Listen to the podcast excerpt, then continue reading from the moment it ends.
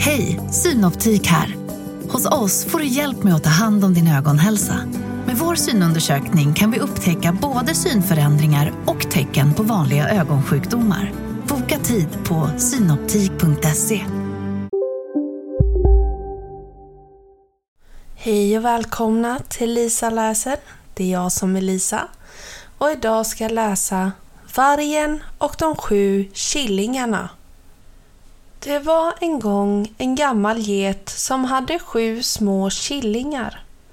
Hon höll lika mycket av dem som föräldrar håller av sina barn.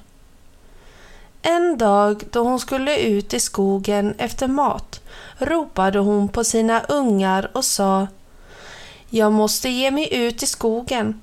Under tiden måste ni akta er noga för vargen. Kommer han in äter han upp er allihop. Han försöker ofta luras den skurken. Men ni känner lätt igen honom på hans grova röst och hans svarta tassar. Vi ska nog akta oss, sa killingarna. Var inte orolig för oss. Gå du bara. Och så gick mamman lugnad sin väg. Det dröjde inte länge förrän någon bultade på dörren och ropade Öppna, kära barn. Det är mamma och jag har något med mig till er allesammans. Men killingarna hörde på den grova rösten att det var vargen. Vi öppnar inte, ropade de, för du är inte våran mamma. Hon är mild och mjuk i rösten, men din röst är grov. Du är vargen. Vargen sprang bort till affären och köpte ett stort stycke krita.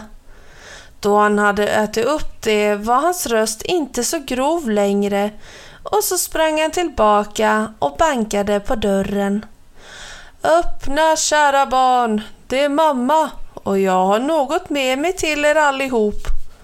Men vargen hade stuckit in sin stora svarta tass genom fönstret. Då killingarna såg den ropade de Vi öppnar inte! Vår mamma har inte svarta tassar. Du är vargen. Vargen skyndade sig nu bort till bagaren och sa Jag har gjort illa min ena tass. Vill du lägga lite deg om den? Då bagaren hade gjort det sprang vargen bort till mjölnaren och sa Strö lite vitt mjöl på min tass. Mjölnaren trodde att vargen ville lura honom, så han sa nej. Men då ropade vargen Om du inte gör det äter jag upp dig. Då blev mjölnaren rädd och gjorde så att vargens tass blev vit. För tredje gången gick vargen bort till dörren och bankade och sa Öppna, kära barn. Det är mamma som är hemma igen. Jag har med mig något gott från skogen till er. Men killingarna ropade Visa oss först din tass så att vi kan se att det är vår riktiga mamma. Vargen la upp tassen i fönstret och då killingarna såg att den var vit trodde de att det var sant som vargen sa och öppnade dörren. Men den som kom in, det var vargen.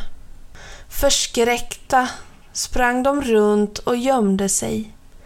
En under bordet, en annan i sängen, den tredje i spisen, den fjärde i köket, den femte i skåpet, den sjätte under tvättbaljan och den sjunde gömde sig i moraklockan.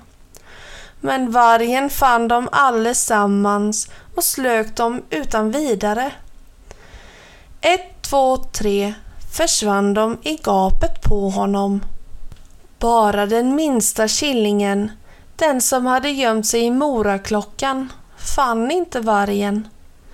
Då vargen hade ätit sig mätt lunkade han ut igen och la sig under ett träd och somnade. Det dröjde inte länge förrän getmamman kom hem från skogen. Och vilken syn som mötte henne! Dörren stod på vid gavel. Bord, stolar och bänkar låg omkullvälta. Tvättbaljan var trasig och sängkläderna låg utspridda på golvet. Hon letade efter sina ungar men kunde inte hitta dem. Hon ropade deras namn, den ena efter den andra, men ingen svarade. Äntligen, då hon ropade den yngstes namn, svarade en späd röst.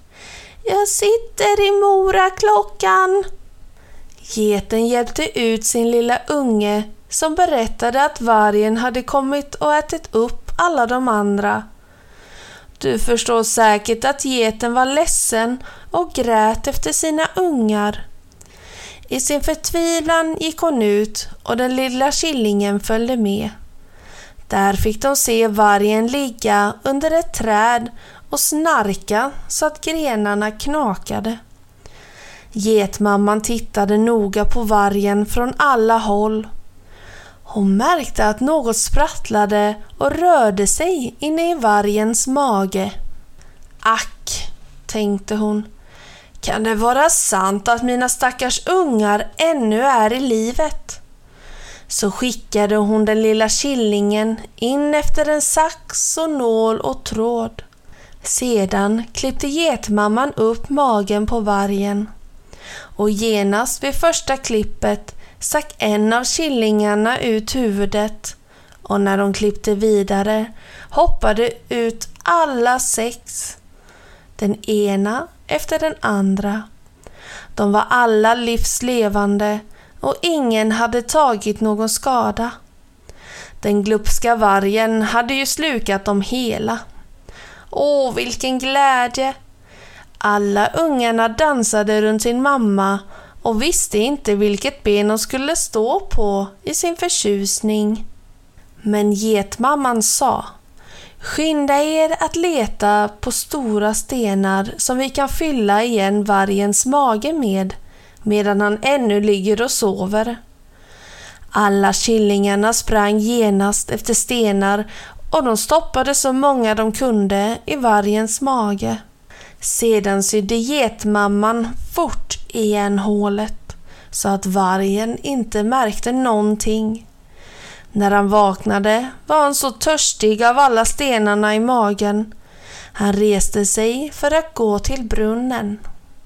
Så fort han började röra sig rasslade stenarna i magen på honom och han ropade Min stackars mage!